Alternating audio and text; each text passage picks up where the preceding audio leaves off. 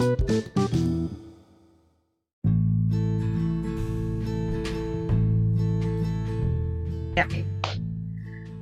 Selamat pagi. Assalamualaikum warahmatullahi wabarakatuh. Om Swastiastu. Salam sejahtera untuk kita semua, teman-teman, Bapak, Ibu yang saya hormati. Tentunya pagi hari ini kita kembali berjumpa di Retail Zoom App ya dengan Grow and Prosper. Tentunya hari ini kita akan membahas hal-hal yang terkait dengan uh, penjualan. Nah, kemarin kan salah satunya itu di sesi sebelumnya harga yang menjadi penentu penjualan ya. Dan berlanjut dengan eh, assortment. Ternyata assortment ini mendapatkan banyak sekali pertanyaan-pertanyaan dan belum selesai di minggu lalu sehingga kita harus melanjutkan di minggu ini dengan tema yang sama. Semoga para peserta bisa memanfaatkan sebaik-baiknya berkonsultasi dengan Bapak Christian F. Guswai selaku konsultan bisnis ya. Dan uh, ini ada challenge menarik yang baru saja di launch ya oleh Pak Christian, Turn Back Win Again and Five Day Challenge. Ini berlangsung dari tanggal 19 sampai 23 April 2021. Jadi akan ada mentoring khusus di sini, silakan Anda daftar dulu ya di bit Bitly Retail Zoomes. Ini beda ya dengan daftar yang kemarin ya Pak Kris ya? Ya. Beda dengan uh, pendaftaran keikutsertaan ini. Ya. Uh, dengan Retail Zoomes beda. Ini untuk uh, turn back win again. Silakan ya klik daftar program gratis. Kan pernah ada yang bilang kok saya minus melulu usahanya. Nah, ini ada strategi-strategi juga di sini melalui mentornya Pak Christian dari minus grow ke positif grow. Siapa yang nggak mau? Jadi kita uh, positif growth-nya ini bukan hanya di momen-momen seperti Hari Raya Idul Fitri, itu kan pasti belum yang beli ya, atau momen uh, Natal, tapi kita pengen konsisten. Bagaimana dari hari ke hari, minggu ke minggu, bulan ke bulan, bisnis kita bisa berkembang lebih baik. Oke, jadi silakan ya sekali lagi daftarkan dengan program gratis ini Turn Back Win Again the Five Day Challenge. Nah, kita akan mulai sekarang kembali ke tema retail dengan assortment. Assortment pada bagian pertama itu banyak kupasan. Lebar lagi silakan Pak Kristi Gus untuk mulai di sesi kedua ini. Baik, selamat pagi Bapak Ibu semua. Sesuai dengan usulan Bapak Ibu eh, peserta yang saya tampung di WA Group Retail Zone S, maka eh, pemenang usulan materi tetap melanjutkan assortment yang kedua ya bahkan ada beberapa yang belum terbahas sehingga mm-hmm. diusulkan untuk melanjutkan assortment ya dan kali ini yang kedua. Kemudian sebelum itu saya tidak akan menyampaikan uh, materi baru. Silahkan uh, Bapak Ibu uh, mengajukan hmm. pertanyaan apa yang tanya jawab langsung. Anggap kita belum selesai silahkan ya, melanjutkan. Ya, oke. Okay. Tuh. Siapa duluan? Ya. Silakan. Boleh open mic, masih semangat Boleh kan? Boleh buka mic-nya. Ada uh, open mic. Sebut nama dulu. Takut berbenturan ya. Sebut nama dulu, baru uh, kalau tidak berbenturan bisa langsung. Nah itu ada ya. yang angkat tangan, Ada yang Riri. masih ingin bertanya? Mbak Riri lihat ada ya, yang okay. tangan. Mbak Heni dari Presmart. Iya, saya terlihatnya, saya lihat Mbak Heni. Yes. Ya. Mbak Heni, silakan. Ya, silakan. Tes dulu. Tes, tes. Lulus. Iya. Selamat pagi. Oke, terima Cuma agak delay aja kayaknya nih. Terima kasih. Oke.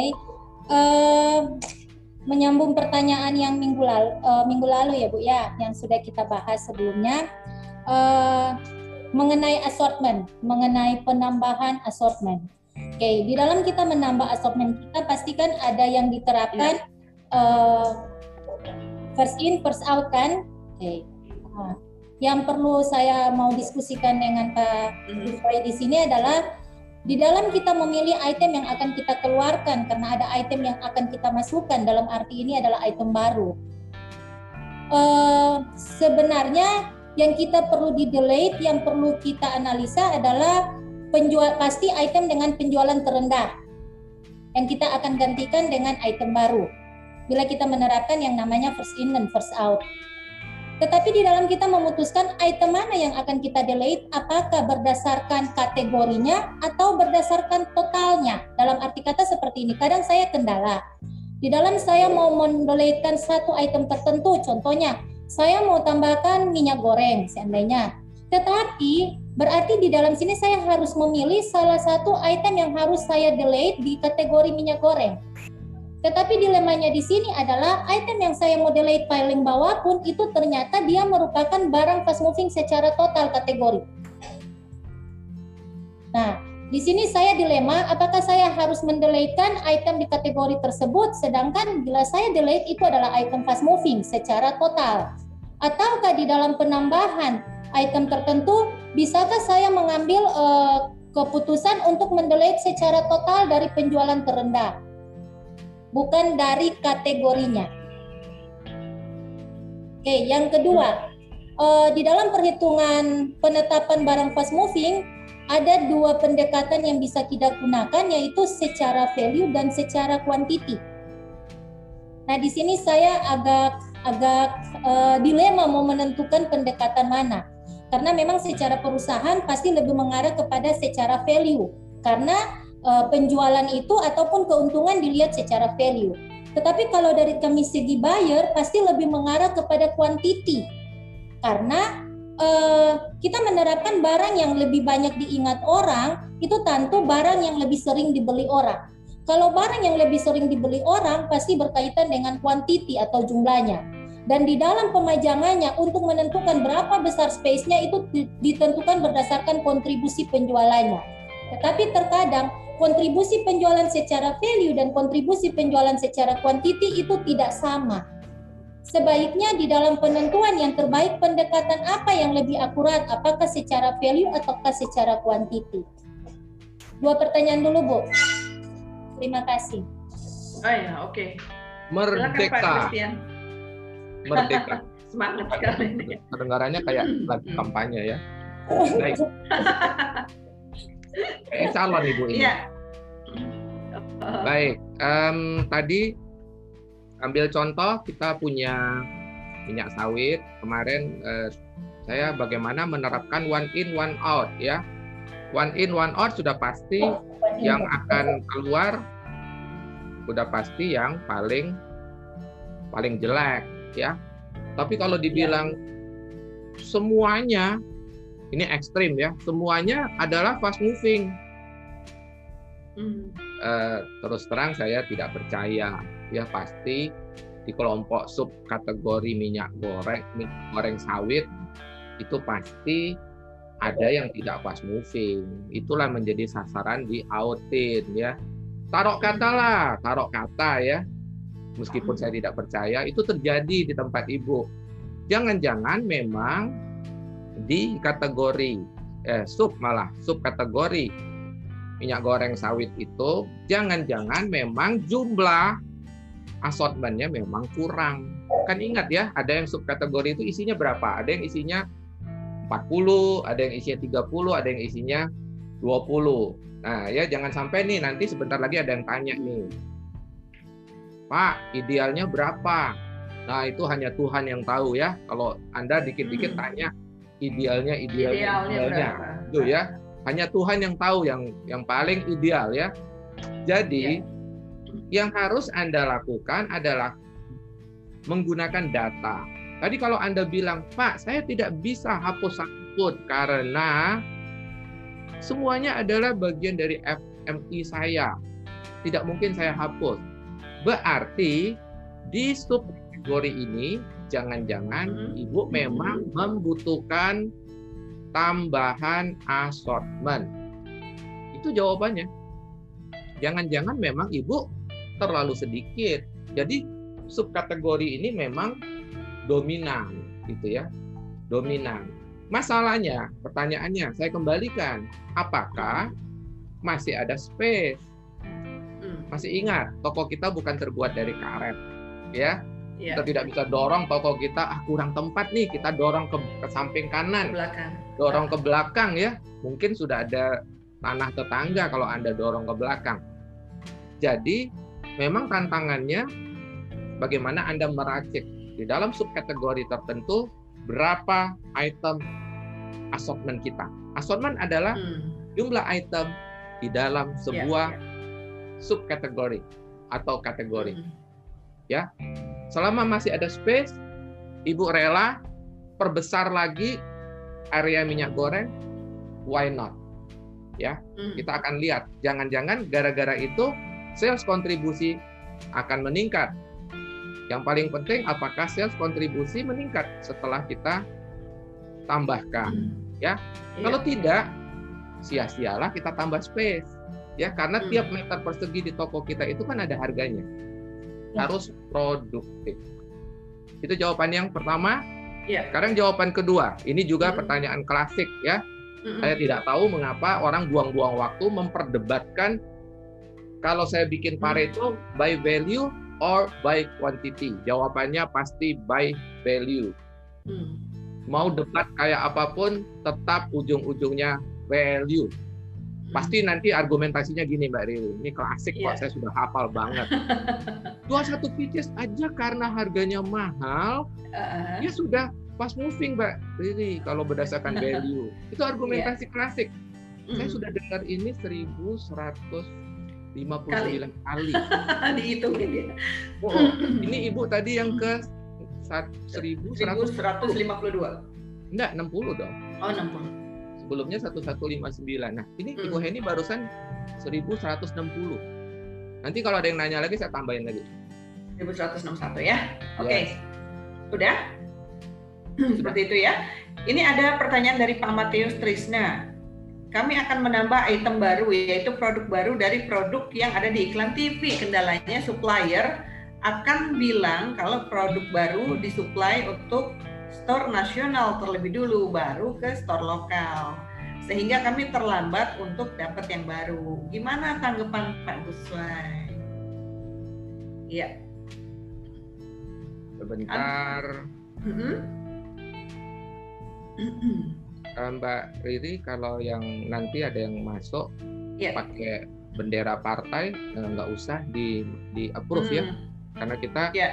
bukan lagi kampanye ini gara-gara Mbak Heni tadi Ah, dia dia pikir eh, oh sedang kampanye Memang ada yang gitu ya. pakai mana Ada. yang pakai bendera? Saya nggak lihat sih. ada saya remove Oh ya ini. Oh iya. Oke. saya remove Eh, Mbak Riri tidak usah approve ya Iya. Mm-mm. Oke. Ya lanjut silakan Pak Kris. Eh, apa yang tadi belum belum dijawab. Jadi eh, dia mau mau tambah assortment baru, assortment baru berdasarkan iklan di TV, begitu loh Pak Pertanyaannya? Kris. pertanyaannya? Ya pertanyaannya cuma itu katanya akan diberikan kepada toko nasional dulu skala nasional gitu yang yang lokal lokal nanti belakangan. Oh yes. Itu gimana gitu loh. Itu jadi arti terlambat artinya gitu. artinya. Kita tidak diprioritaskan Ya. Artinya kita perusahaan kita tidak diprioritaskan maka tugas divisi MD untuk melakukan negosiasi ya Ya. supaya kita tetap mendapatkan priority untuk Ya. apa new item harus harus diperjuangkan Iya. kalau Tapi anda tuh ya? biarkan kalau anda biarkan tentu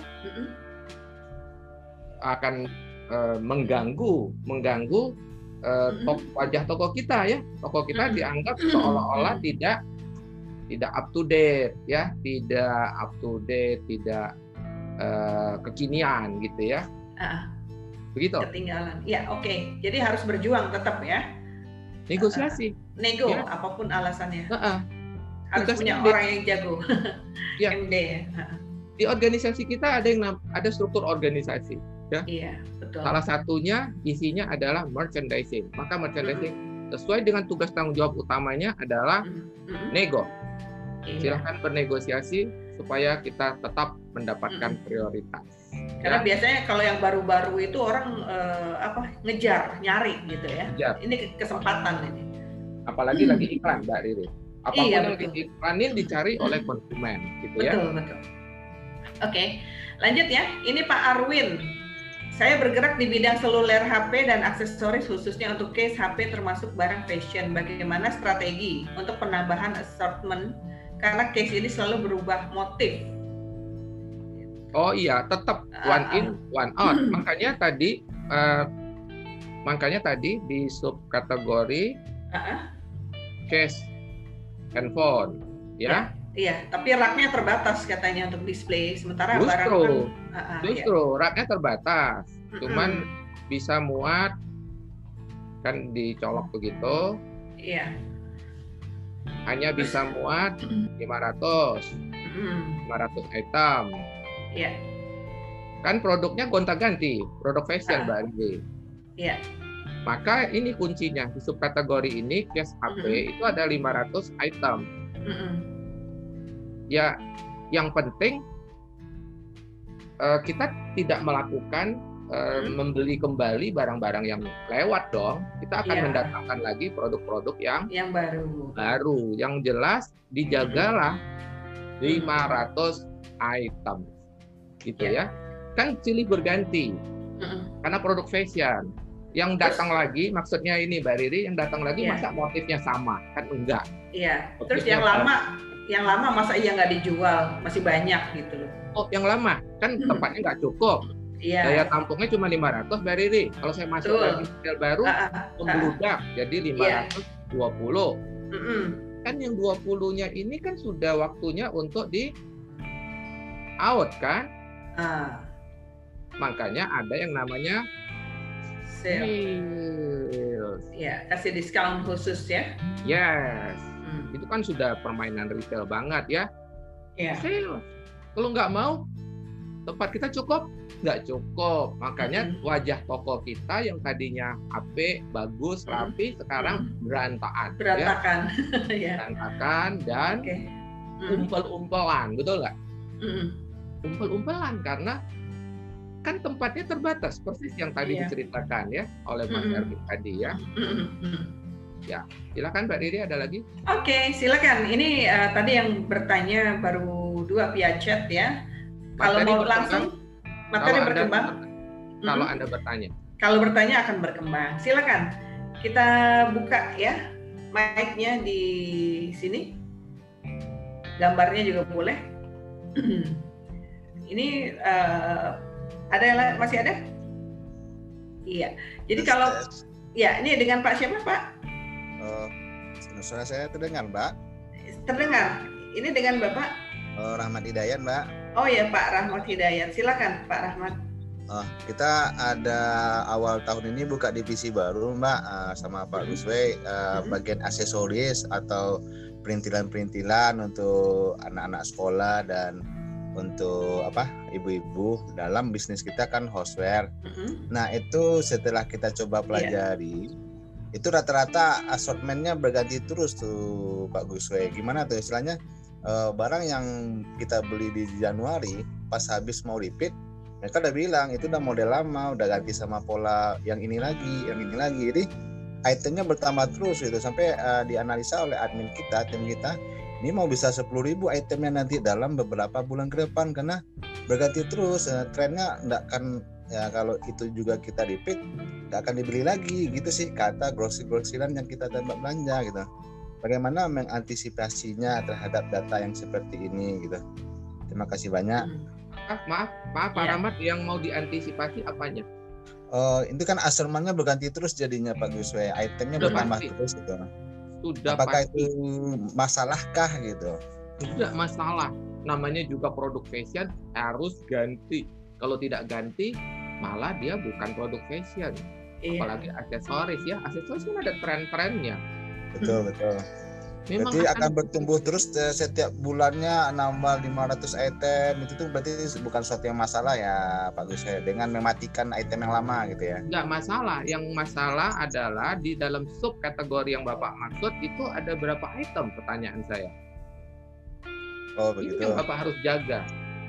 Bapak harus jaga. Tadi kan sudah dikasih contoh. Katakan saya sekarang di sub kategori tersebut saya sudah punya eh, katakan 1.500 item ya. di dalam subkategori ini. Ya. Bapak punya tempat untuk 1.500, tapi kalau saya tambahin lagi item baru tambah 200, masa iya di dalam 1.500 sudah tidak ada yang tinggal satu pc, tinggal dua pc, yang Bapak sudah harus out. Ya betul betul. Sehingga ketika Bapak masukkan lagi si 200, jumlahnya kembali 1.500. Lah, Wah. Terus gimana caranya Pak yang lama? Ini loh, ini kuncinya. Ya. Out. Harus di out kan ya Pak Gus ya. Hmm. Kalau Bapak tidak out kan dia akan bukan 1.500 lagi, 1.700 dan eh, daya tampung Bapak sudah sudah tidak memadai. Ya, ya Bapak betul. sudah kecuali Bapak akan mem, memperluas area Bapak kecuali hmm. ya Oke, Silakan. Siap. Terima kasih Pak Busai. Sama-sama. Ya. Oke, nah ada lagi silakan uh, bisa buka mic-nya ya, sebutkan nama dulu begitu. Nah, ini kan tadi seperti dikatakan ya, misalkan butuh 500 assortment-nya begitu ya Pak Gus, right? Kemudian ya. datang barang baru. Ini yang 200-nya ini kalau taruh di gudang nggak jadi duit. Kalau di obral misalkan, itu taruhnya di mana? kan okay. tetap orang harus lihat gitu di di tempat uh, daerah sales mbak Riri kita hmm. memang sediakan area untuk sales hmm. bukan di rak hmm. normal ini ada rak normal oh, ya. uh -uh. keluarkan taruh di biasanya Sale. berbentuk wagon Bak, itu loh gitu ya? Uh, nah iya. ya taruh di sini pasang di OP iya sale. Gitu. Jadi hmm. tempat ini selalu bagus. Inilah area untuk melakukan sale. Iya. Ini normal nah. di dalam di dalam hmm. bisnis retail normal ya. Barang-barang yang sudah hmm. sisa satu dua pieces sudah waktunya untuk di sale. Kan toh juga ah. modelnya sudah model lama Mbak Riri. Model lama ya. Dan ini ya. tinggal keuntungannya aja kali ya. Yes. Anda obral itu, nah gini Mbak Riri, ada yang takut uh, dong kalau yeah, kalau yeah. saya uh, sell rugi dong, gitu kan? Uh, uh, kan contoh nih sell tujuh puluh persen iya. rugi dong. Nah itu berarti mm. dia tidak pernah menghitung, ya. Mm. Padahal yang dis dia diskon 70% tinggal barang sisa. Sisa. Uh, uh. Pak, saya beli 12. Mm -mm. Saya obral 10. Berarti berarti MD-nya waktu beli salah beli. Kebanyakan salah beli. Bukan, ya. bukan kebanyakan. Yang tidak. Salah beli berarti. Yang tidak diminati. Dia pikir model ini laku. Dia pikir model yeah. ini laku. Ternyata itu seleranya dia, bukan selera konsumen. Gitu ya. Iya, iya, iya, iya. Ya. Oke, jadi seperti itu ya. Ada, ya kita sering lihat sih memang ada sale gitu. Tapi memang kalau sisa-sisa sekian, um, banyak yang menyatakan saya rugi nih kalau saya jual di bawah harga modal. Sebetulnya keuntungannya kemarin sudah kita raup dari yes. item yang sama sebelumnya gitu ya. Betul, betul. Ah, iya, Ada iya, lagi? Ya. Oke. Okay. Di chat banyak. Di chat, di chat banyak ya. Baik. Struktur merchandising yang benar bagaimana? Theodorus bertanya begitu. Oh, dia tidak berani tanya ideal ya. Ah. Hanya yang benar ya. Yang... kan hitam ini. Oke. Okay. Struktur merchandise. Dari kemarin hmm. kita sudah ngomong struktur merchandise ya. Ini juga basic yeah. banget dalam bisnis ya. Apa struktur merchandise? Struktur merchandise itu hierarki hmm. barang. Yeah. Hierarki merchandise itu kan barang, hierarki barang. Hmm. Hmm. Jadi di toko kita itu barang itu bukan bukan sama beda-beda ya. Nah, keperbedaan itulah kita buatkan struktur. Sama seperti di dalam iya. perusahaan, tidak semua orang menjalankan fungsi yang sama. Ya, ada merchandising, ada operation, ada IT, ada finance, ada HRD, ada marketing. Sama, barang kita itu fungsinya nggak sama. Maka itu kita membuat hierarki barang. Nah, hierarki barang idealnya, idealnya itu paling sedikit, paling sedikit. Karena ada yang lima, bisa lima, bisa enam. Paling sedikit itu Iya. empat level. Mm. Empat level ya. Ini struktur merchandise yang benar itu empat level. Terdiri dari divisi, Ya. ya ada divisi. Anaknya divisi itu departemen. Nah ini standar internasional ya. Standar internasional yang saya sampaikan atau yang benar kalau menurut Pak Teo tadi. Lalu anaknya departemen apa? Kategori. Mm-mm. Ini kan sudah dengar nih beberapa hari ini kategori. Mm-mm. Anaknya kategori siapa? Sub kategori. Ya. Ini internasional ya, pendekatan internasional. Mm.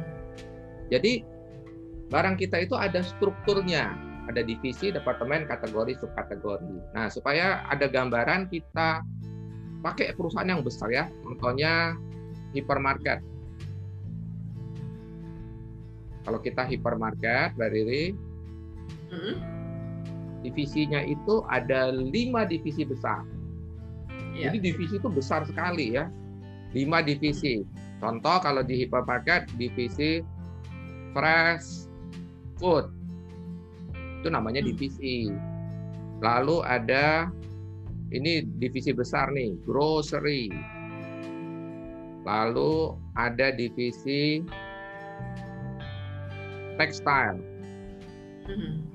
Kenapa dibilang tekstil? Eh, mereka nggak punya nama yang baik. Eh, intinya tekstil itu segala sesuatu yang eh, terbuat dari kain, makanya disebut Hmm. tekstil ya. Contohnya apa? Mm. Kopi. Pokoknya segala sesuatu yang bisa kita kenakan. Itu bahan dasarnya kan dari kapas, tekstil ya. Mm. Fresh Ya. food, grocery, tekstil. Nah, lalu ada yang namanya appliances. Mm. Appliances itu apa? Household yang membutuhkan listrik.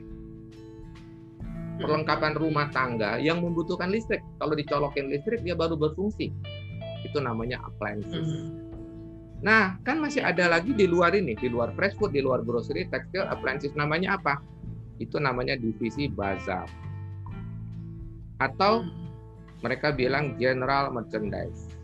Ini eh, pendekatan dari hypermarket ya. Saya mulai dari yang hypermarket aja nanti Bapak Ibu di bisnis masing-masing disesuaikan ya. Apakah saya butuh lima divisi? Belum tentu. Tapi kalau ngomong berapa banyak divisi seharusnya Eh, sesuai tergantung bisnis Anda masing-masing. Contoh, bisnis bahan bangunan. Bahan bangunan itu bisa 8 sampai 9 bahkan ada yang 10 10 divisi ya Anda tahu ada bisnis yang belakangnya ada kata 10-nya titik-titik 10 kan sa- saya nggak dibayar jadi saya nggak mau sebut namanya ada bisnis yang titik-titik 10 nah 10-nya itu ternyata itu adalah berasal dari divisi jumlah divisi yang ada di dalam toko mereka ya titik-titik 10 itu ternyata 10-nya itu adalah jumlah divisi yang ada di dalam tokonya. Lanjut ya. Nah, anaknya divisi Ya. adalah departemen. Mbak Riri, anaknya divisi departemen. Contoh di dalam fresh food. Departemen. Mm. Departemen apa? Kalau kita masuk ke daerah fresh food. Mbak Riri lihat apa? Mm. Coba sebutin. Mbak Hmm. Riri tahu nggak departemen apa saja di dalam fresh food? Fresh food em, apa sih yang beku-beku itu ya? Tuh, nggak pernah Makanan beku ini. Nih, ibu-ibu milenial aku nggak pernah belanja. Masa fresh food beku? Fresh food, makanan Oh, segar. iya iya iya, ikan ikan ikan ikan, Ada fish, daging telur. ada meat. Bukan telur. Kalau telur itu anaknya lagi. vegetable Hmm, Ada apa lagi? Sayur, sayur, Apa lagi? vegetable, oh iya buah. fruit. Itu namanya departemen. Itu. Nah, kalau kita bicara fish garis miring seafood ya Mbak Riri, biasanya satu lokasi. Fish and seafood itu satu departemen. Nah, anaknya departemen apa? Kategori. Ya, kategori. Contoh apa? Kalau di daerah seafood. Kategori apa kalau di daerah, daerah seafood?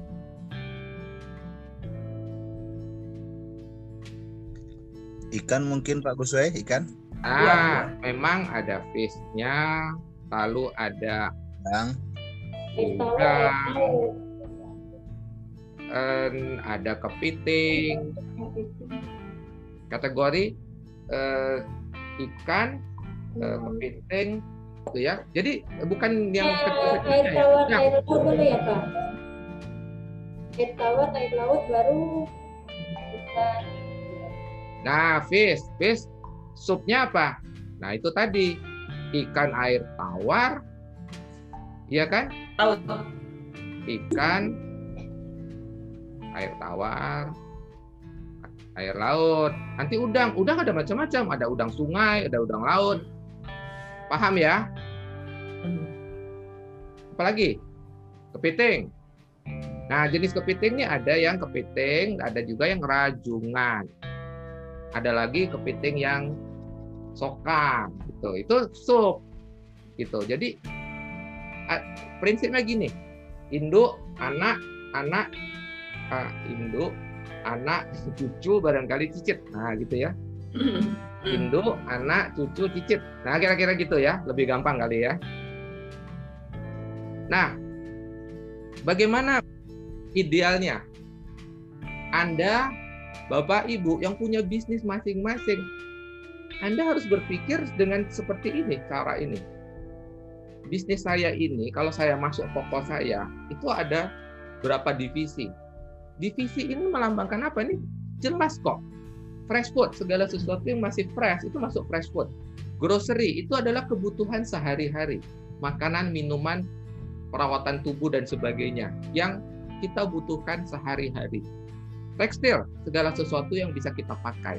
Jadi kita harus mampu mendefinisikan. Tekstil adalah segala sesuatu yang bisa kita kenakan dari ujung rambut sampai ujung kaki. Ya, sepatu masuk tekstil, masuk. Tapi sepatunya dari kulit, Pak. Tidak peduli. Yang penting dia bisa dikenakan. Lagi, appliances, perlengkapan rumah tangga yang membutuhkan daya listrik baru dia bekerja. Contoh apa? Eh, AC, mesin cuci, pompa air, segala mesin-mesin itu gitu ya. Eh, kalau lampu masuk nggak Pak? Eh, lampu bukan, lampu terlalu kecil, lampu masuk ke basa. Kalau lampu-lampunya itu masuk di basa. Appliances itu ada big appliances, ada small appliances. Big appliances itu segala sesuatu yang besar-besar. AC, mesin cuci, pompa air, eh, water heater itu yang besar-besar. Ada yang small appliances apa? Blender, gitu ya, blender, eh, rice cooker, kira-kira gitu ya. Mudah-mudahan dapat ide. Itu Iya. bagaimana Anda menyusun struktur merchandise. Nah, kenapa sih harus punya struktur merchandise? Yang tadi yang kita bahas dari hari pertama, di dalam subkategori inilah nongkrong assortment. Iya. Ya, ngerti sekarang ya. Assortment ini nongkrong di situ. Contoh nih, eh, di tokonya Mbak Heni itu loh, ikan air tawar itu ada berapa jenis? Katakan ada 20. Ikan air laut ada berapa? Ada 30. Berarti 50. Nah, pajangan saya muat untuk 50 ikan. Pak, saya mau tambah lagi ikan. Ya, periksa dulu dong. Dari 50 ini ada nggak yang tidak produktif? Semuanya produktif. Oh, ini ekstrim ya. Semuanya laku, Pak. Ya, berarti ikanmu harus ditambah lagi. Katakan tambah 5 lagi. Jadi assortment kita bukan 50, tapi 5 lima. 5. Pertanyaannya, muat apa enggak? Hmm.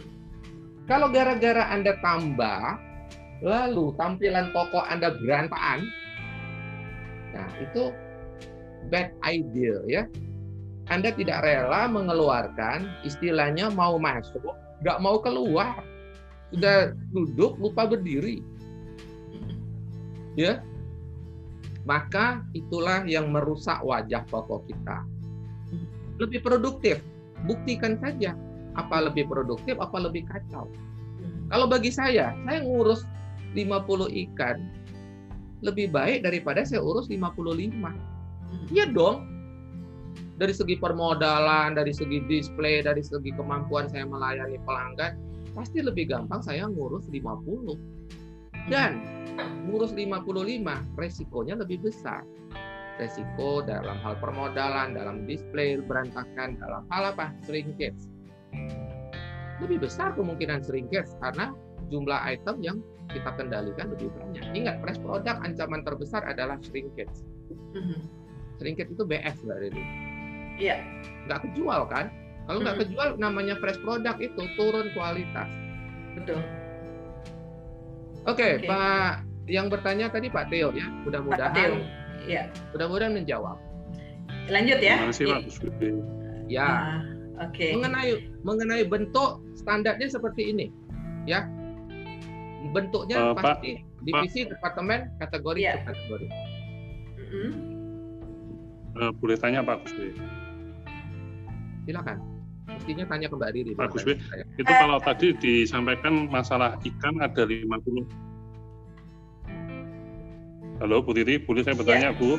Mm-hmm. Oke, ini Pak, ini dengan Pak siapa? Saya hanya ada tool Surabaya. Ya? Pak Teo saya. Pak Teo, Pak Teo. Iya iya oke. Okay. Enggak, sehubung, sehubungan dengan penjelasan Pak Guswir tadi masalah ikan ya, Pak. Kan hmm. tadi ada 20 dan 30, setelah itu mau nambah 5 item.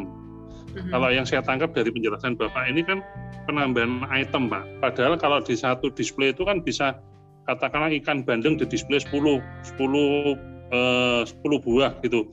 Kalau kita kurangin jadi 5 buah aja dengan menambah assortment lima item yang lain apakah memungkinkan Pak? Jadi gimana cara menentukan besaran space untuk satu assortment Pak? Data. Kalau tadi kalau Data. tadi poinnya Pak Gusti kan apakah tempatnya cukup? Sedangkan kita kurangin kuantitinya tapi itemnya kita tambah seperti itu. Apakah memungkinkan? Terima kasih Pak. Jawabannya ini. Hmm? Data. Datanya bilang apa? Datanya bilang apa? Kalau datanya bilang, oh item ini tadinya 10, saya punya satu sampai tadi 50. Oh, item yang ini biasa saya display 10. Ternyata dia cuma laku 5. Ini saya mau cuma order 5 supaya saya bisa nambah lagi. Supaya saya bisa nambah satu item baru. Ya, katakan satu item baru anda cuma order 5. Kalau Anda punya data ini, why not? Why not? Tetapi poin saya yang Bapak jangan lupa, mengendalikan 50 dengan mengendalikan 55 ya. item. Tapi kalau Anda merasa nggak masalah Pak, 55 saya bisa handle, fine. Ya itu kan bukan bukan sesuatu yang eksak ya. Ilmu kita ini bukan ilmu eksak. Ilmu kita ini ilmu sosial, sosial ekonomi. Jadi cair banget. Ya. Kalau Anda punya data yang akurat dan Anda ingin menambah jumlah assortment dari 50 ke 55, emang saya larang? Enggak, saya enggak larang. Boleh. Tetapi berbasis data. Kalau memang eh, yang tadi Pak Theo sudah mempertegas ya, kalau memang dia tadinya saya beli 10, padahal paling-paling lakunya sekitar 5, kenapa nggak 5 aja? Supaya saya punya space untuk memberikan tempat item baru. Boleh. Boleh banget. Silakan Mbak Riri. Biar Oke, kita lanjut ya. Biar banyak yang um, Pak, penting atau tidak pembanding barang misalnya barang yang sama dengan merek berbeda, yang satu mahal, yang satunya murah. Apakah lebih bagus dengan pembanding seperti itu atau jual murah tapi bagus katanya? Uh, penting untuk. Di dalam sebuah assortment itu penting Bu atau Bapak untuk memiliki uh, paling sedikit tiga ya yang hmm. high, medium, low. Jadi assortment kita contoh apa pun itu apa tadi ikan. Ikan kan ada ikan yang high quality, mahal, ada ikan hmm. kebanyakan, ada ikan yang murah, murah-murahan, murah meriah, teri lah ya, kelas teri. Apalagi tuh eh, hmm. yang ikan kecil-kecil itu murah meriah. Itu kalau kita beli lima ribu udah dapat ikan krismon. Nah itu ya. Mana ada? Paham ya Bapak Ibu ya, katakan ikan. Ikan la ikan laut. Oh di atasnya saya belinya ada salmon. Gitu ya. ya. Itu kelas menengahnya ada apa? Ada apa? Hmm. Kap, bandeng. Patin, uh, bandeng, tergantung ya. Ada lagi yang kelas bawah. Hmm. Kelas bawah itu ikan yang hmm apa itu yang panjang-panjang tapi kecil itu ya teri selar selar selar tapi mahal pak oh, tapi mahal malahan malah menjebak ibu ini kalau mahal ya bukan di low ya lalu berapa banyak apakah di di di mananya ini katakan dua di sini sepuluh hmm. di sini tiga hmm. apa yang menentukan assortment ini nih jumlah item ini apa yang menentukan target market. Who is your market? Who is your target market? Kalau target market Anda kelas menengah, Anda tebalkan di kelas menengah. Kalau ternyata oh, enggak Pak, saya melayani kelas atas. Oh, kelas atas. Kalau begitu kalau kelas atas dia akan di sini 8. Di sininya 5. Di sini 0. Ini enggak jual. Saya tidak melayani hmm. kelas bawah, saya melayani kelas atas dan kalau kelas menengah pun, middle class mau masuk, I have something for them. Tapi mayoritas saya layani kelas atas. Ya, kebijakan masing-masing perusahaan berbeda-beda. Who is your target? Ya, ya. Okay. Paham? Mudah-mudahan paham. Kalau tidak paham, boleh tanya lagi. Silakan masih ada yang mau open mic? Ya. Boleh buka mic-nya terus sebutkan namanya untuk diskusi kita hari ini. Silakan ya. Mumpung kita masih punya waktu nih. Sudah waktu. Mbak Elisa? Boleh bertanya Mbak Didi? Oh ya, dengan Pak siapa? Pak Tio lagi. Yang tadi? Pak Tio lagi. Soalnya di sini ya, di saya tulisannya Pak Tool Station. Oh maaf, saya ganti. Uh, yeah. Mbak Riri remove aja Mbak Riri kalau namanya nggak ada. Diganti namanya aja Mbak. Iya ya Bu. Uh, tadi yeah. misalnya keluar berapa kali. Uh, Karena Pak Teo ya. Kita, ya. Kalau kita menentukan target marketnya kelas atas, ternyata uh, yang datang berbeda Pak. Ada juga katakanlah 25% dari kelas bawah Terus apakah kita harus merubah strategi yang kita tentukan di awal bahwa kita mau membidik kelas atas gitu Pak misalnya? Oh iya, jadi ketika Bapak awalnya membidik kelas tertentu, tentu eh, segala sesuatu sudah di, dikondisikan Pak. Contoh eh, desain kalau Anda membidik eh, target market ya, target market, Anda maunya apa? high class, ya, premium. Lah itu persiapannya luar biasa, Pak. Contoh, Anda harus pilih apa? Lokasi. Memang di mana lokasi kelas premium itu berada. Nomor dua, desain toko. Kalau desain toko Anda tidak dirancang untuk kelas atas, lah ya bagaimana Anda bisa berharap? Contoh ya, kelas atas itu maunya apa? spesies ya spesies itu space-nya lega berlebih-lebihan ya desain itu uh, desain tokonya itu ruangan ya ruangannya apalagi interiornya ya gitu kan terus apalagi ambience-nya ya ambient ambience itu mm-hmm. lampunya contoh ya kalau kita bikin untuk kelas atas lampunya beda, nggak bisa pakai lampu standar. Ya lampunya lampu putih, LED panjang, berderet-deret, putih, terang benderang pun kelas atas tidak merasa itu buat dia. Itu dia bilang, oh itu kelas kebanyakan. Ya, lokasi, desain. Berikutnya apa? Merchandise-nya ya. Merchandise-nya pilihan. Nyari produk yang merek nya nggak jelas gitu ya. Produk-produk import yang nggak ada namanya nggak mereka nggak nyari. Mereka justru cari produk-produk yang branded. Ya sediakanlah produk-produk branded.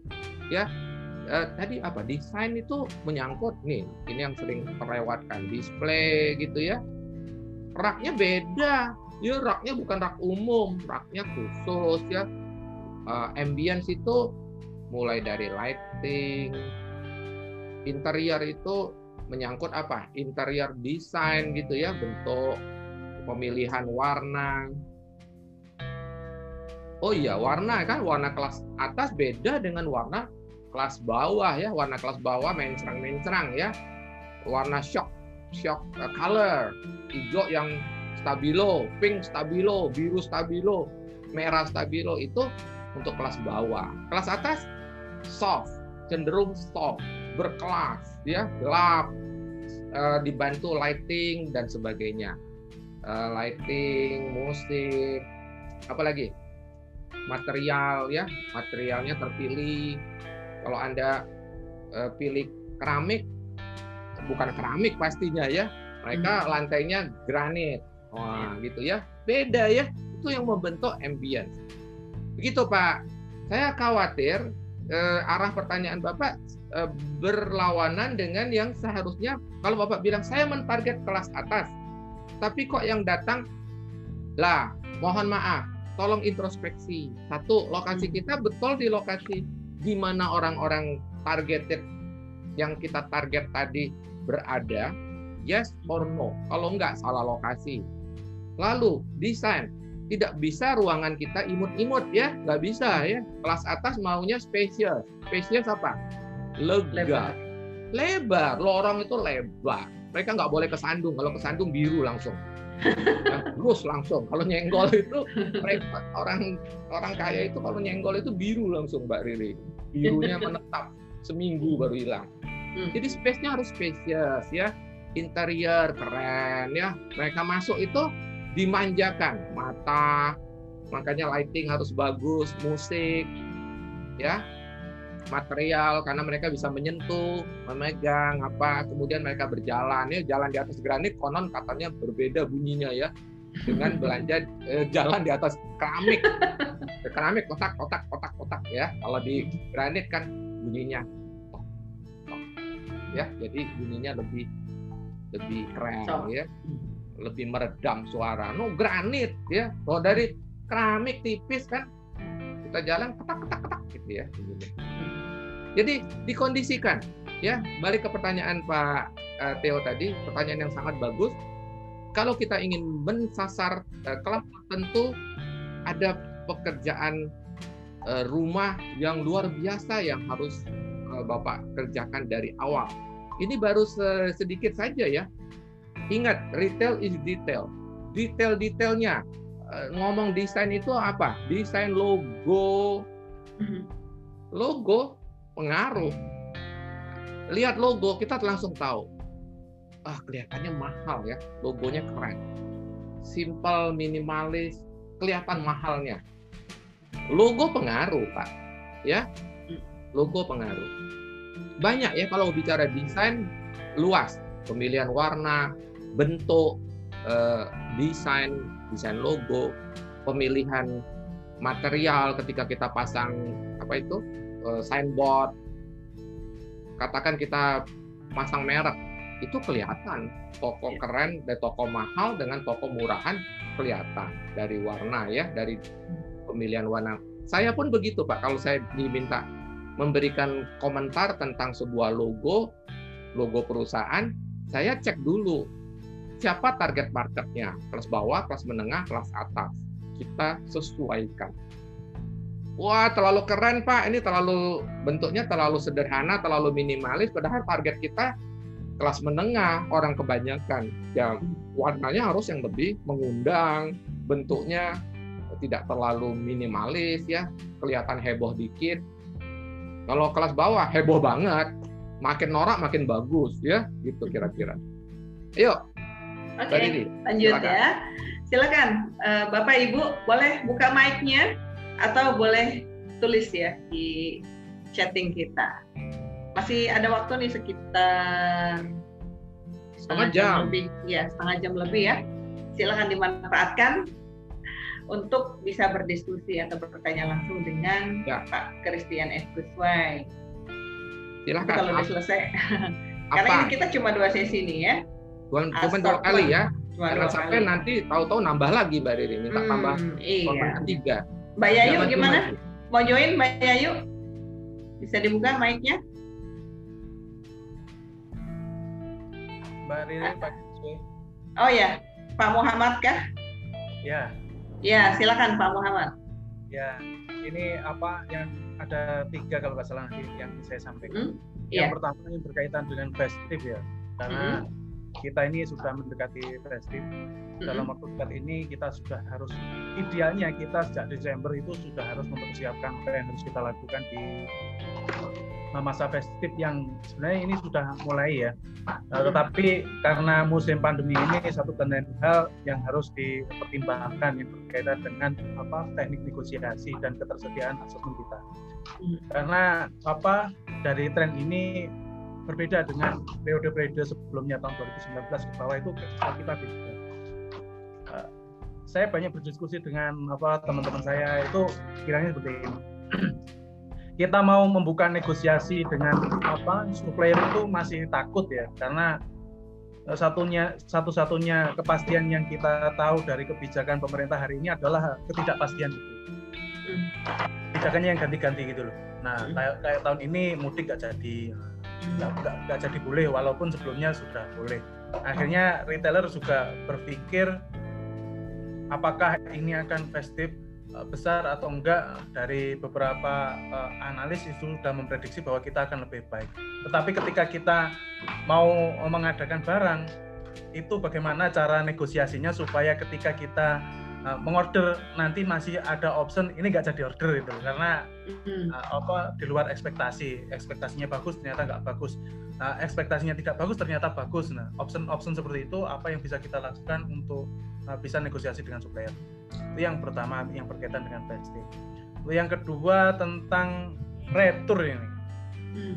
nah retur itu biasanya bukan karena kita tidak mampu membeli barang tetapi karena kita salah membeli barang gitu.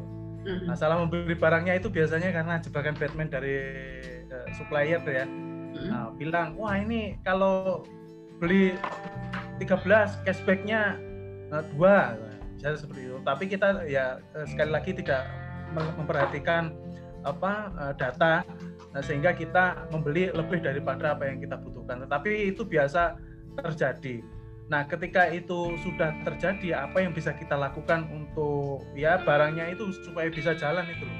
Hmm. Karena kalau kita promo di tempat lain juga promo. Ya.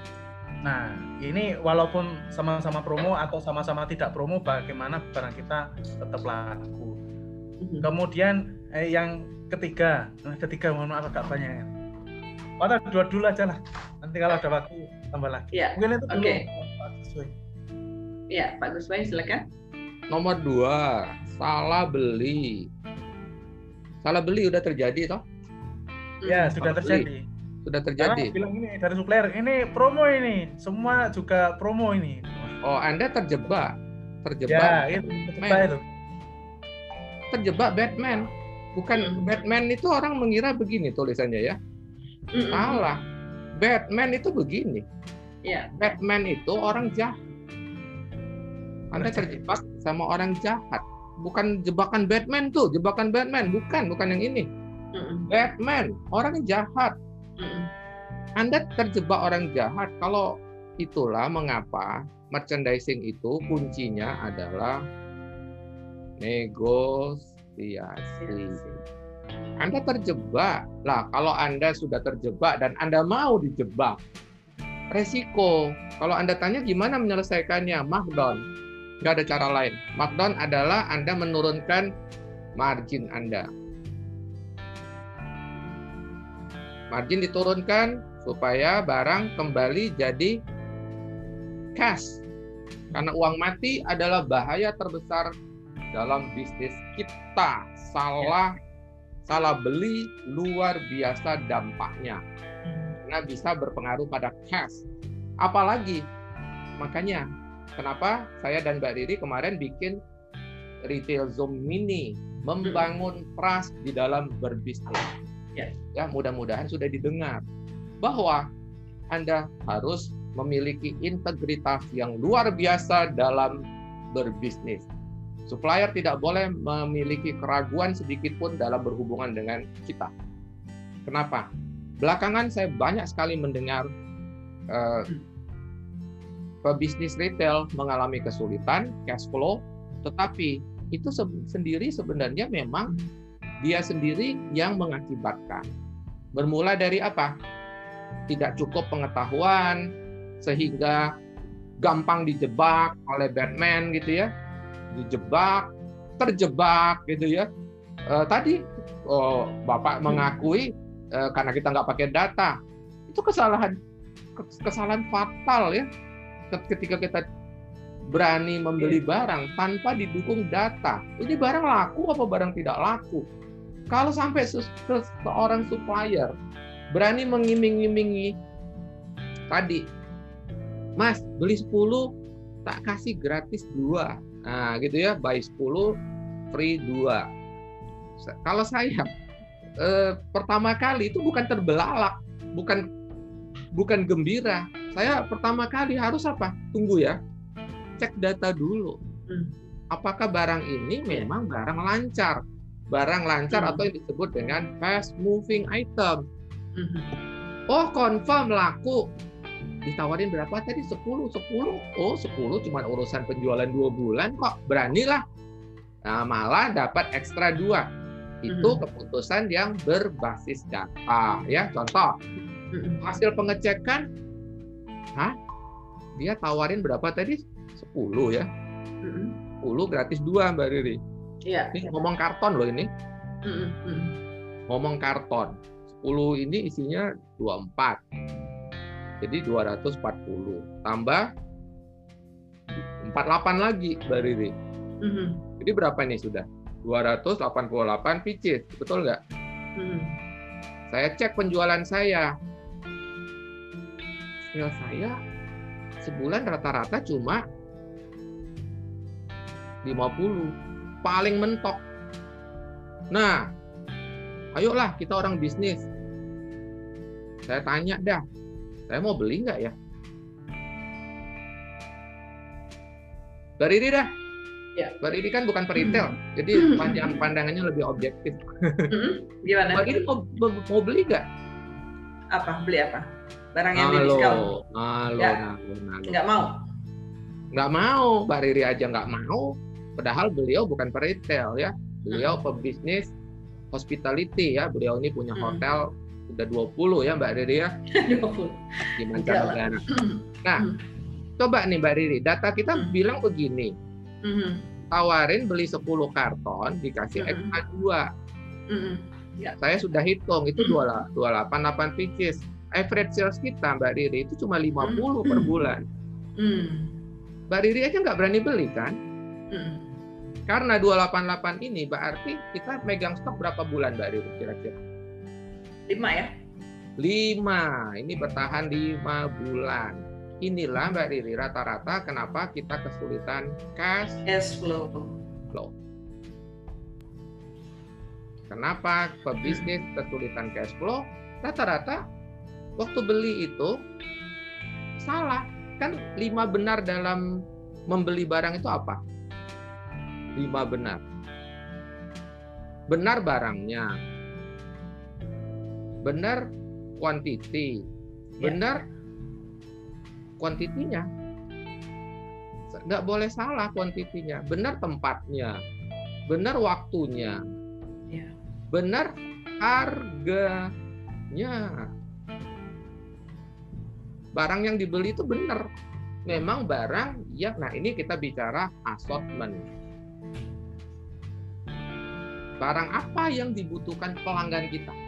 Kalau kita jual fresh product, apa fresh produknya? Buahnya, sayurnya, ikannya, dagingnya. Apanya?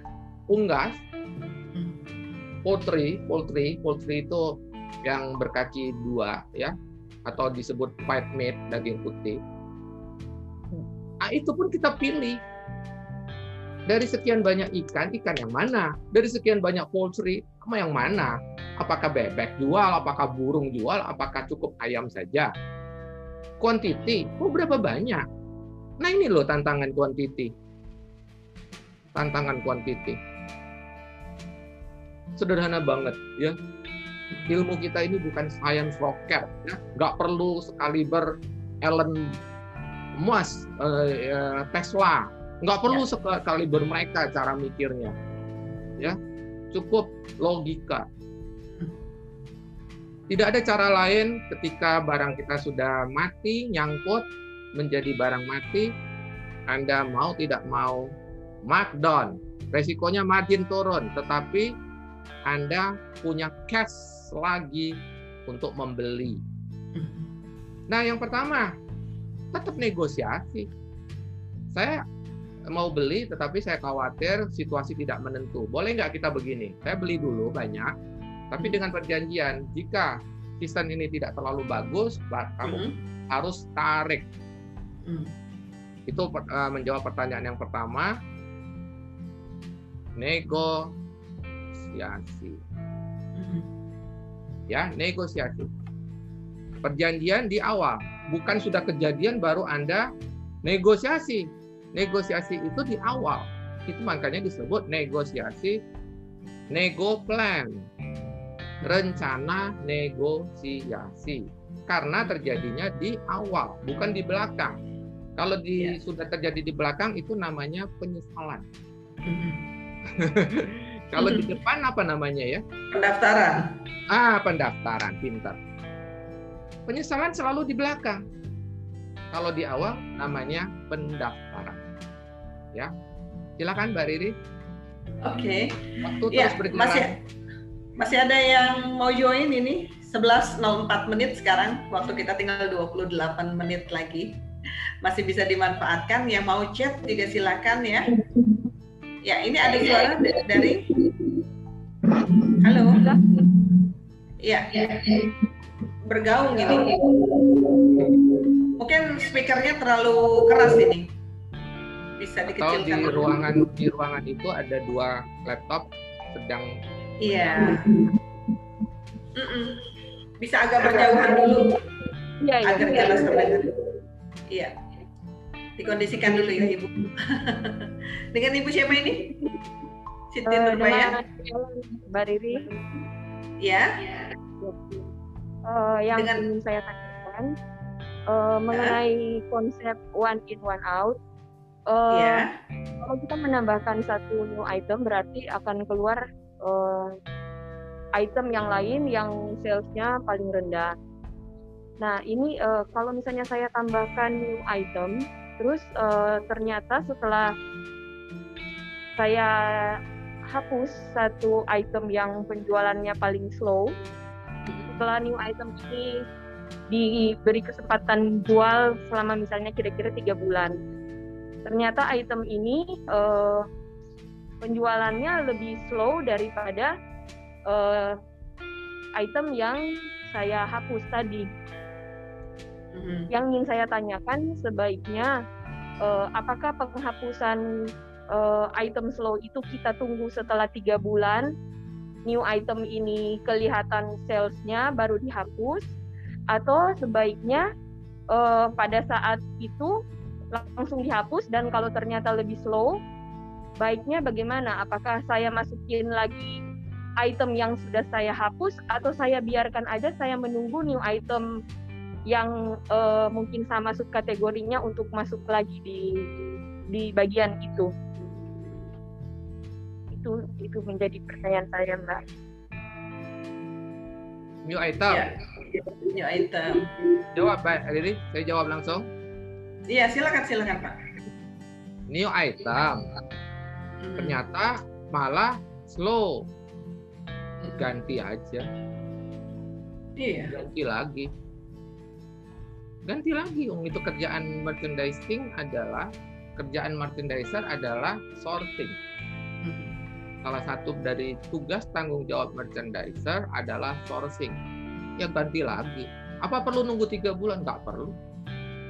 Tapi, tapi ya kelamaan. Tapi biasanya kita kasih kesempatan dalam waktu tiga bulan apakah penjualan dia bisa itu kasih kesempatan? Nah di sinilah kita mengajak si pe, pemasok untuk bekerja sama. Bukan gratisan. Ya dong barang-barang dia kita taruh di toko kita ya kerjasama lah supaya barang ini sukses. Kayak merek mie supaya sukses kerjasama dong. Ya nggak bisa barang otomatis sukses ya.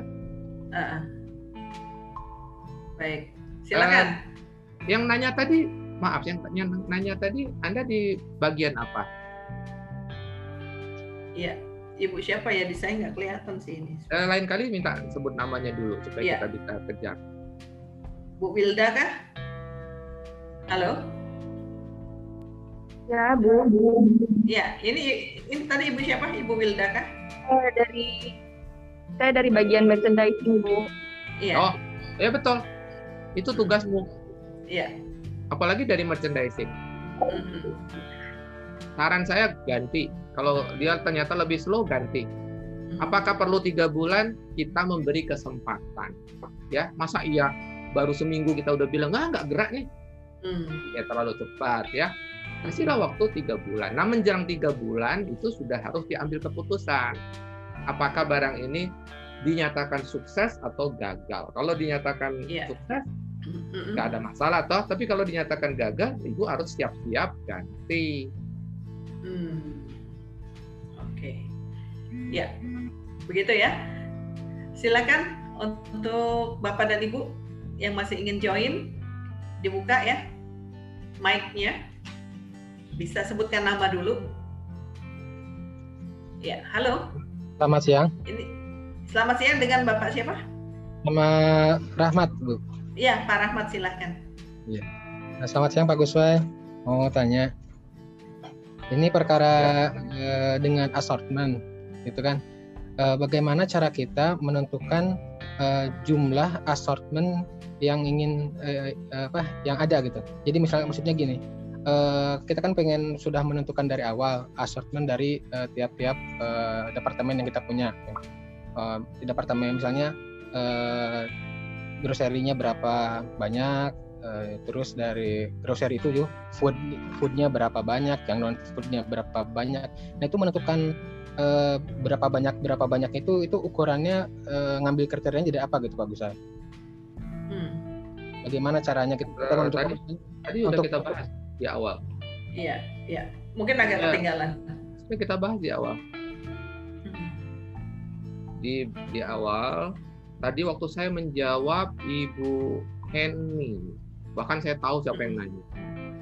Hmm. Waktu Ibu Henny bertanya, udah kita kasih penjelasan dari mana kita tahu barang ini cukup nggak nih assortmentnya ya dengan cara tadi waktu kita setelah beberapa waktu berjalan kita melakukan analisa Pak terhadap si assortment kita, assortment analisis ya. Ada nggak dari assortment yang kita miliki ini yang penjualannya parah sekali? Gitu. Oh enggak, ternyata bagus semua. Tadi seperti eh, dikatakan Bu Heni, saya bahkan tidak mampu mendelete satupun Pak. Kenapa? Karena semuanya adalah fast moving. Hmm. Tanyaannya, bagus apa enggak situasi itu? Hmm. Bagus, berarti kita ada kesempatan menambah assortment, tambah assortment. Terus Anda tanya, Dari mana kita tahu berapa jumlahnya? Tidak ada yang tahu. Anda yang yang harus cari tahu. Hmm. Anda yang harus cari tahu. Contoh nih, nanti ada yang bertanya nih, berapa idealnya? Ini kan kalimat sakti. Berapa idealnya jumlah minyak sawit yang kita jual? Saya tanya balik, Anda formatnya apa? Hipermarket. Hipermarket pun ada berapa ukuran? Contoh nih hipermarket, 5.000 aja sudah dihitung hipermarket. Hipermarket itu ada yang 5.000, ada yang 6.000, ada yang 7.000, ada yang 8.000 meter persegi, ada yang 10.000 meter persegi. Yang mana? Jadi Anda kejar lagi. Kalau 10.000 Pak, berapa banyak yang Anda kasih ke minyak goreng? Saya tanya balik. Sampai Anda sendiri yang jawab. Berapa space yang Anda sediakan untuk minyak goreng?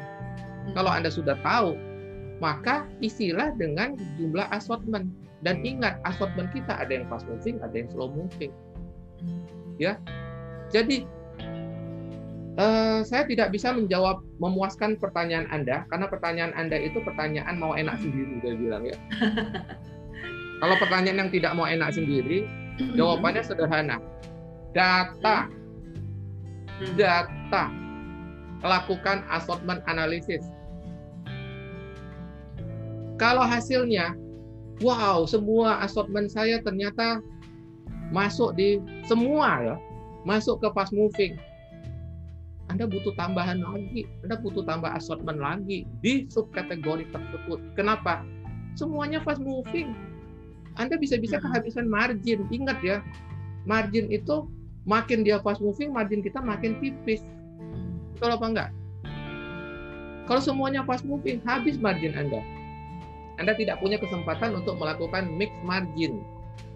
Nah, di pertemuan per pertama, hmm. tujuan kita punya assortment beraneka ragam. Assortment kita itu tidak boleh terlalu sempit supaya kita bisa membuat mix margin. Mix margin. Karena Anda lihat ya, Bapak Ibu lihat, kalau kita punya barang, kita sort dari penjualan yang tertinggi sampai yang terendah. Ini yang paling laku nih, penjualan nomor satu, penjualan paling bontot, yang paling akhir ya. Nih, penjualan paling kecil. Margin kita kayak apa? Margin kita kan begini. Nah, Anda bayangkan kalau barang Anda semuanya yang Anda miliki itu semuanya fast moving. Di mana Anda bisa melakukan mix margin? Mix margin itu kira-kira bentuknya gini. Ya, barang-barang yang penjualannya paling tinggi justru margin kita makin kecil. Sementara barang-barang yang penjualannya nggak seberapa kenceng, justru di situlah kita bisa dapat margin lebih lebih bagus. Ini kenapa assortment itu sangat strategik. Hmm.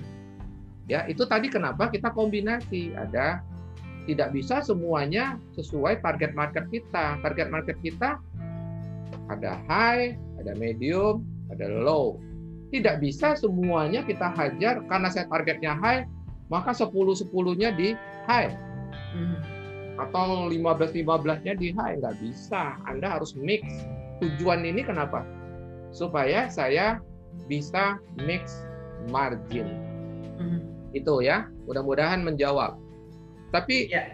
eh, itu jenis-jenis pertanyaan yang eh, saya tidak akan mampu memberikan penjelasan yang sangat memuaskan karena Anda harus melakukan analisa di bisnis Anda masing-masing. Anda harus tarik data, dibedah.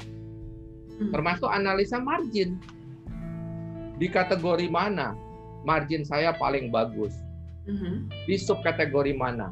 Kalau marginnya tipis, mengapa? Ujung-ujungnya karena racikan assortment Anda yang tidak begitu strategik.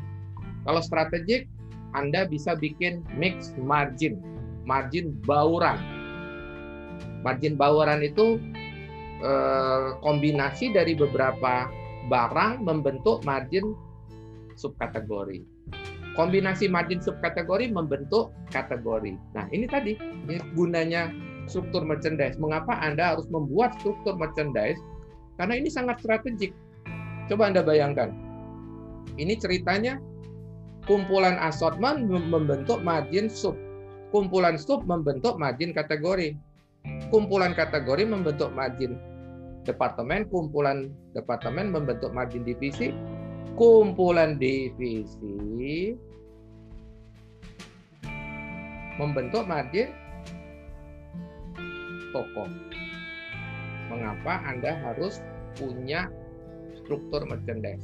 Nah, karena begini, ada orang yang kalau saya bilang struktur merchandise-nya mau mesti jadi dulu. Enggak, enggak, enggak, tidak dibikin-bikin. Tetap saja enggak dibikin. Karena apa? barangkali tidak paham kegunaan dari struktur merchandise. Ya, Bapak Ibu begini. Segala sesuatu sebelum Anda tumbuh besar, benahi segala sesuatu yang bersifat struktural, fondasi, mendasar. Benahi.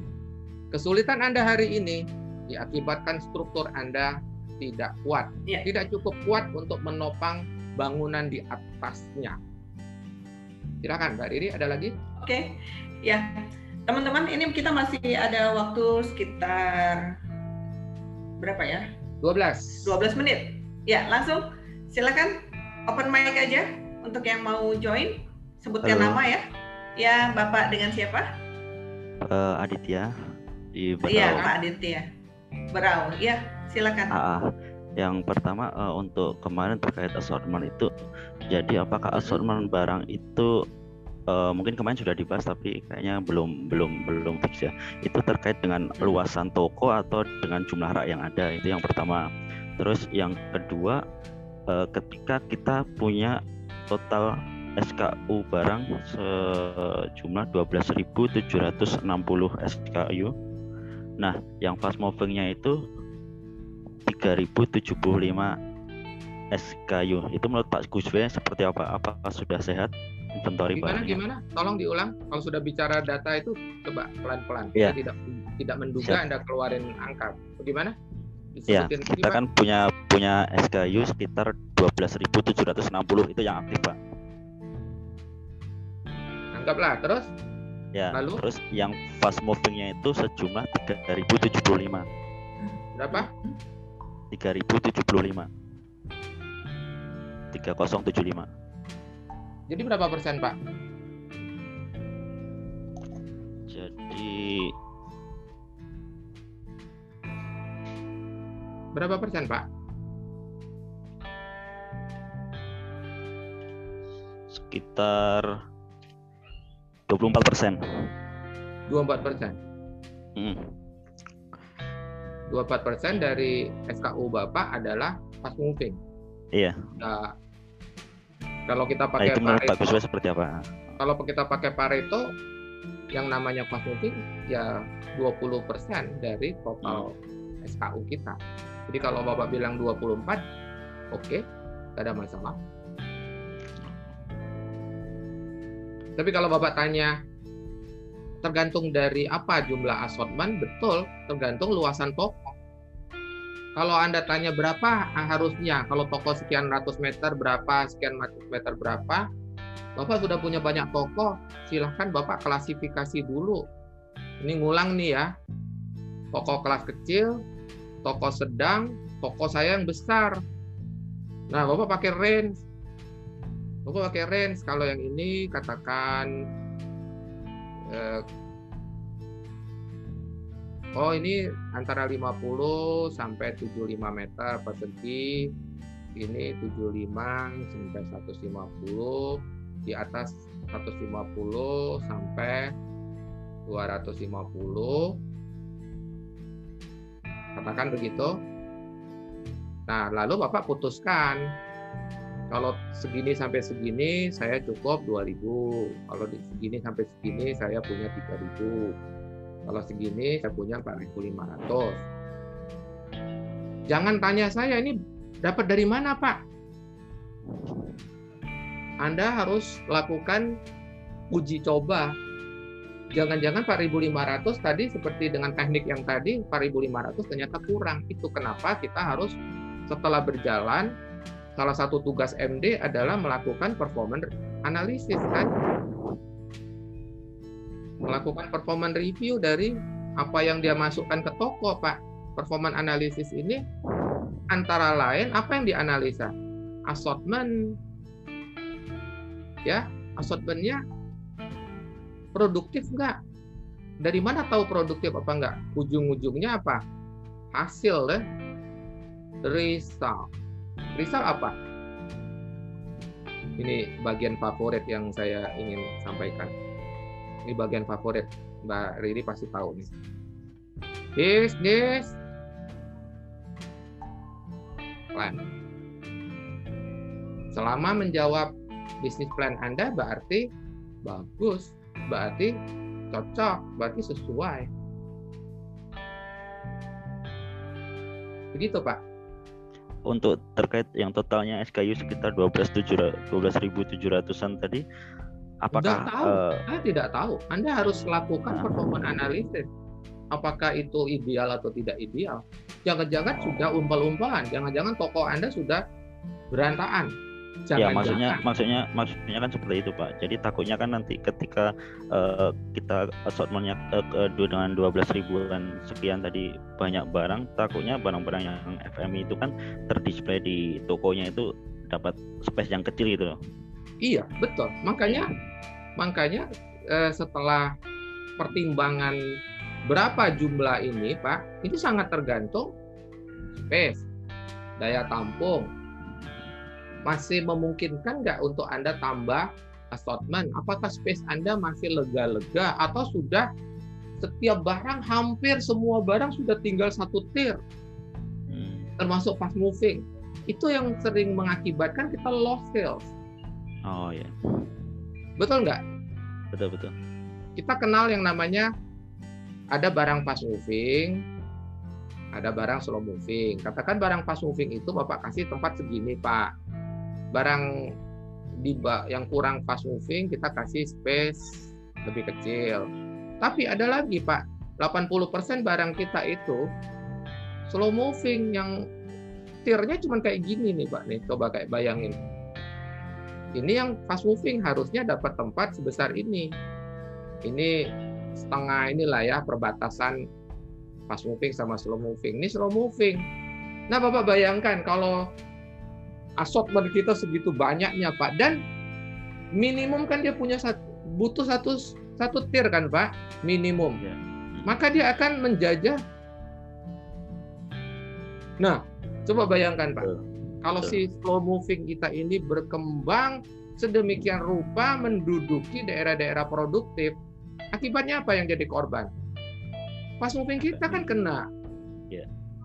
lah kalau itu ditanyakan ke saya ideal ideal ideal lah lebih lebih lucu lagi sudah tahu fast moving kita sudah tidak mendapatkan space yang memadai untuk dirinya bisa jualan dengan lega.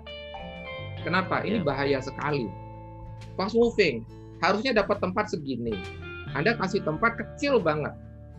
Si fast moving kita itu dari segini menjadi tinggal segini ini bahayanya apa? Loss sales.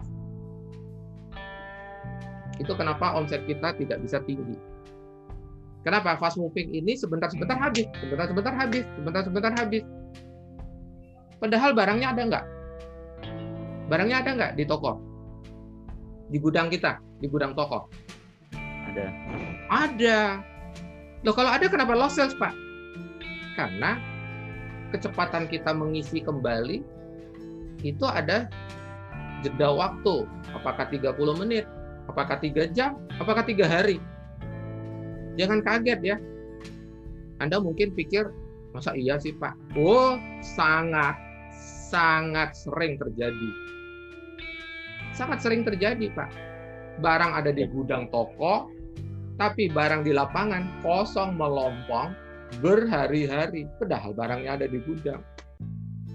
Nah, itu Jadi kalau anu Pak Guswe, kalau misal secara data uh, kita tarik data ternyata FMI itu uh, dapat space-nya secara dengan data all itu dapat space-nya 4 shelving nih.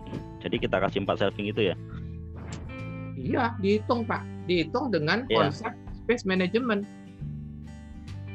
Bapak hitung dengan konsep space management. Baca di buku ini.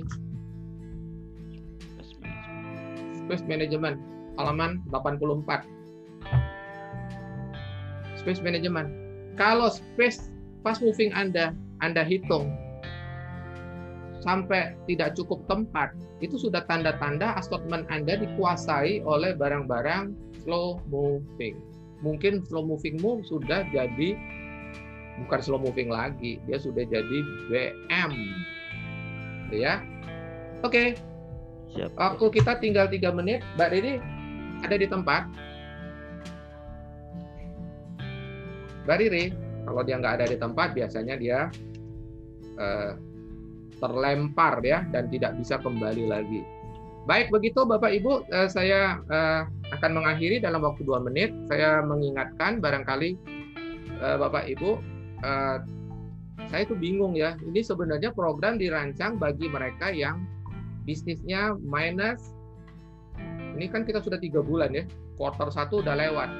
Kalau bisnis Anda minus, saya merancang uh, five days challenge lima hari tantangan 19 sampai 23 jamnya jam 4 sore sebelum buka puasa ya sebelum buka puasa lebih kurang satu jam tiap hari ada hal-hal uh, uh, tantangan yang anda harus selesaikan harus ada yang anda selesaikan untuk apa saya akan kasih tahu apa yang yang bisa bikin anda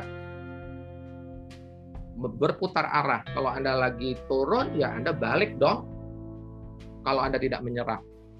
Kalau Anda tidak menyerah, harus Anda harus turn back, putar arah dan uh, win again. Anda balik keadaan. Kalau Anda menyerah, program ini bukan buat Anda, ya.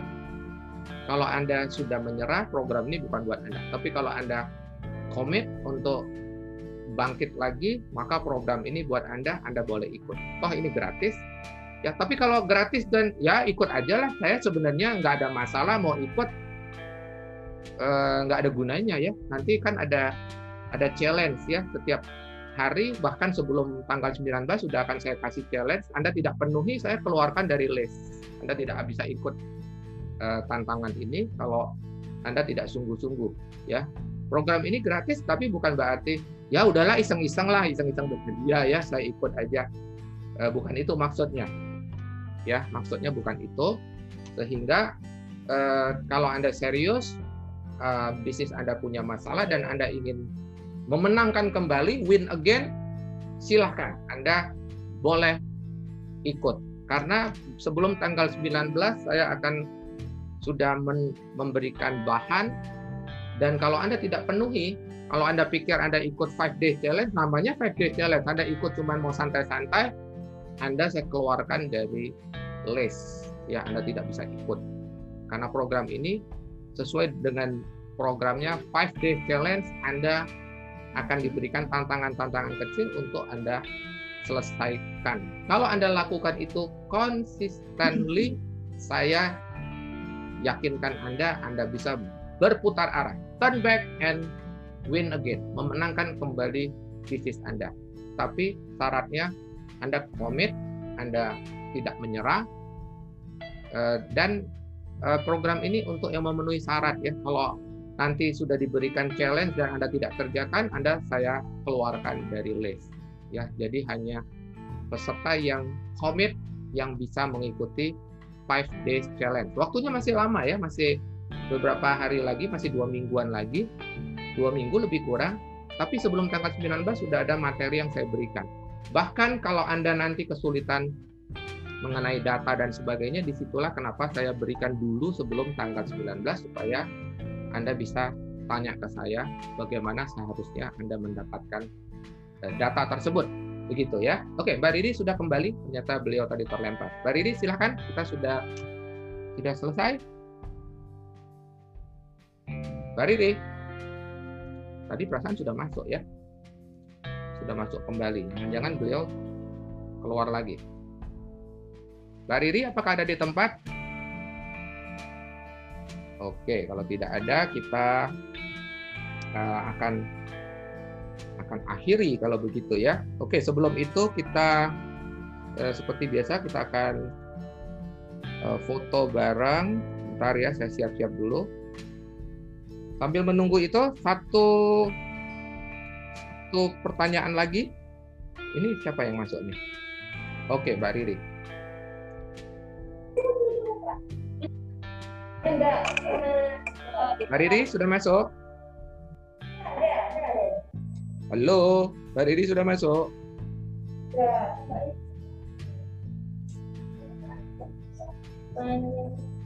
Apakah Mbak Riri sudah masuk? Nah, tampaknya beliau kesulitan. Halo, ya. Wah ini. Oh, sudah, sudah masuk Sorry, ya. Maaf seluruh peserta, koneksinya buruk sekali ini. Ya, oke okay, Mbak Ridi, uh, diatur kita mau foto bareng. Oke, okay. yuk. Layar dulu. Persediaan untuk menyalakan uh, uh, videonya. Videonya, kita sudah berakhir ya, sudah setengah 12. Sudah Mbak Riri, okay. tadi saya ya, sudah ya, mengumumkan baik. program baru saya dan oh, ya uh, sudah saya jelaskan uh, cukup jelas. Mudah-mudahan uh, linknya sudah ada di chat ya, di chat ya. ada link. Peserta baru silahkan join WA group karena seperti pagi tadi ya. saya sudah ingatkan lewat grup uh, link hari ini. Mm -hmm. Terus link untuk mengikuti uh, retail Zoom Win Again, yeah. come back and win again juga sudah dikasih di chat. Anda tinggal klik isi form, cuman ada lima pertanyaan. Iya. Silakan. Uh, Layar pertama. Halo Ibu Vera. Itu Ibu Vera. Tadi Mana? Bilang, itu Ibu Vera. Oh, oh iya. dada dada. Tadi, oh iya, tadi suaminya. Suaminya Pak Edi, oh, Pak Edi Pandean. Mereka dua sejoli memang. Baik, baik, baik. Nah, jadi mereka sering seiring sejalan Mbak ya. Edi. Jadi nggak mm -hmm. mungkin Ibu Vera sendirian. Pasti ada ya. Pak Edi tercinta okay. sebelah. Iya. Baik, baik, kita yuk kita foto bareng. Foto bareng. Termasuk yang lagi on the way ini Pak Ridwan. Siapa ya, Pak. Pak Ridwan Maxel ya. ya. Pak Ridwan Maxel itu iya. timnya ya. Ibu Vera itu. Timnya Ibu Vera juga, iya baik. Iya. Yuk kita okay. atur posisi ya. Seperti atur ini. Posisi. Prosper. Yang tidak Grow menyalakan. Saya kasih kesempatan hitungan ketiga yang tidak menyalakan, ya. maka saya keluarkan ya. dari layar. Ya, ya Ibu Teti. itu Ibu Rahmatia dari tadi tidak menyalakan videonya. Iya. ini ya. Elisa. Prosper tuh ini. Prosper. Oke. Okay. Ya. Siap. Siap ya. Sebentar Mbak Riri, saya akan. Oke. Okay. Berarti ya. masih ada yang tetap tidak mau menyalakan videonya ya kita hide mm -hmm. saja ya. Mm -hmm. Oke, okay, yang ucapan terima kasih, tolong ya. tidak usah dulu ya karena chat Anda sayangnya menutupi teman kita yang wajahnya mm pas di bawah tertutup ya. iya. ya betul anda asik yeah. chat dengan saya terima kasih dan apa tolong ditunda dulu kita mau foto bareng yeah. oke okay, yuk siapa Mbak Riri tangannya gimana nih prosper ya. grow ya and grow and prosper. prosper satu dua tiga oke okay. sabar sabar kita belum pernah pakai begini ya grow-nya ya Gimana? Kita belum pernah begininya. Kita begini terus. Kita belum pernah begini. Grow prosper. Ah, ini gimana ini? Sebentar. Uh, sebentar, yuk kita ulang. Ini ya. layar layar pertama kita ulang. Oke, okay, prosper. Iya. Salam grow and, grow prosper. and prosper. Satu, dua, tiga. Oke, sebentar, tahan, tahan. Oh, ditahan ya? Saya enggak loh tadi. Berarti gerak kalau nggak ditahan. Oh. Sebentar Mbak Riri, soalnya ini. Iya. Ulang aja uh, ulang. Saya tidak. Uh, tidak apa-apa, ini sudah. Tinggal Udah. mau save dulu. Oke. Kita tunggu ya. Iya, tunggu sebentar ya. Memang agak agak complicated ini. Hmm copy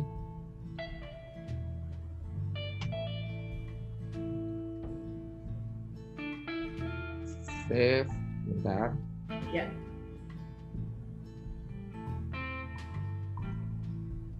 Sabar, sabar. Zoom. S. Retail zoom as. Assortment. Oke. Okay. Siap layar kedua. Layar kedua, yang ini kan kita cuma ada dua layar. Iya. Satu, dua, Prosper. satu, dua, tiga.